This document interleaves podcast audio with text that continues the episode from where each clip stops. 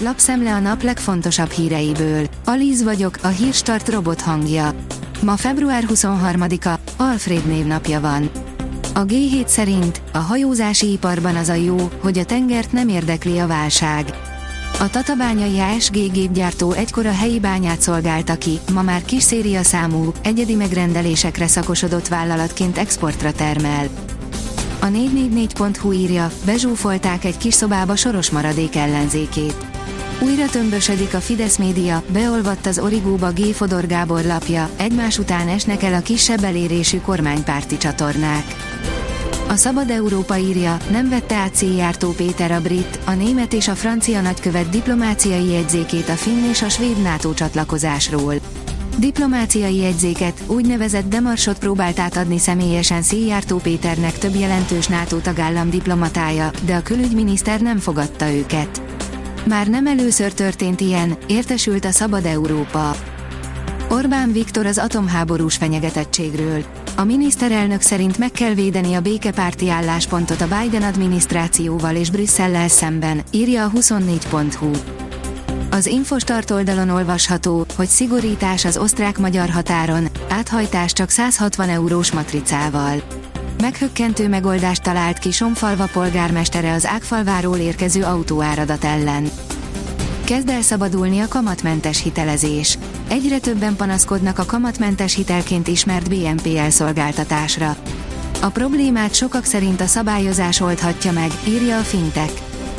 Luxus strand épül a Dunakanyarban. Az erdő és a forrás találkozásánál épülő, luxus kategóriájú, lakófunkcióval épülő villák erőteljes ázsiai stílusjegyeket viselnek majd magukon, áll a sokszínű vidék cikkében. Összejátszás. Kartel. Több európai hatóság is vizsgálja a gyanúsan magas élelmiszerárakat, írja a növekedés. A gazdasági versenyhivatal immár két különböző termékpiacon vizsgálja az élelmiszer drágulások mögöttes okait, de nincs egyedül az európai versenyhatóságok között. A privát bankár oldalon olvasható, hogy mi várható a háború után. Egy gyenge Oroszország is gondot jelent Európának. Közel egy évvel azután, hogy Oroszország megtámadta Ukrajnát, nehéz elképzelni, hogy Vladimir Putyin megnyeri a háborúját. Ez azonban korán sem jelenti, hogy a tartós békekilátásban lenne.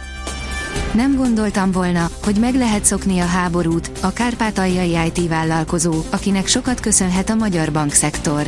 Kovács Anton, a banki digitalizáció és az agilis vállalatvezetés hazai apostola tavaly teljesen kiszállt a cégéből, azóta pihenőévet tart és éberen kutatja, hogy mi legyen a következő nagy dobása, áll a Forbes cikkében.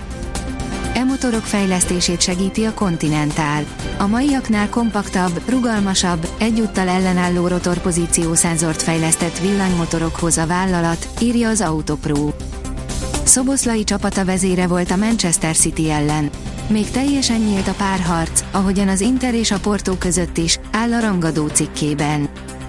Az Eurosport oldalon olvasható, hogy Manchester United FC Barcelona Európa Liga mérkőzés. Csütörtökön a nyolcad döntőbe jutásért kiírt párharcok visszavágóival folytatódik a labdarúgó Európa Liga 2022-23-as idénye. Igen csak mozgalmas időt tartogat a hétvége, írja a kiderül. Már csak pár nap és érkezik az időjárás változás. Hidegfronthoz több fokos lehűlést a hétvégén és időjárásunkra egy mediterrán ciklon is hatással lehet. Megerősödik a szél, komoly eső jöhet, akár hó is hullhat. A Hírstart friss lapszemléjét hallotta.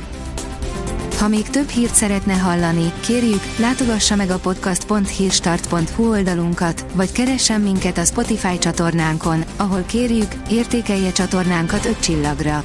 Az elhangzott hírek teljes terjedelemben elérhetőek weboldalunkon is. Köszönjük, hogy minket hallgatott!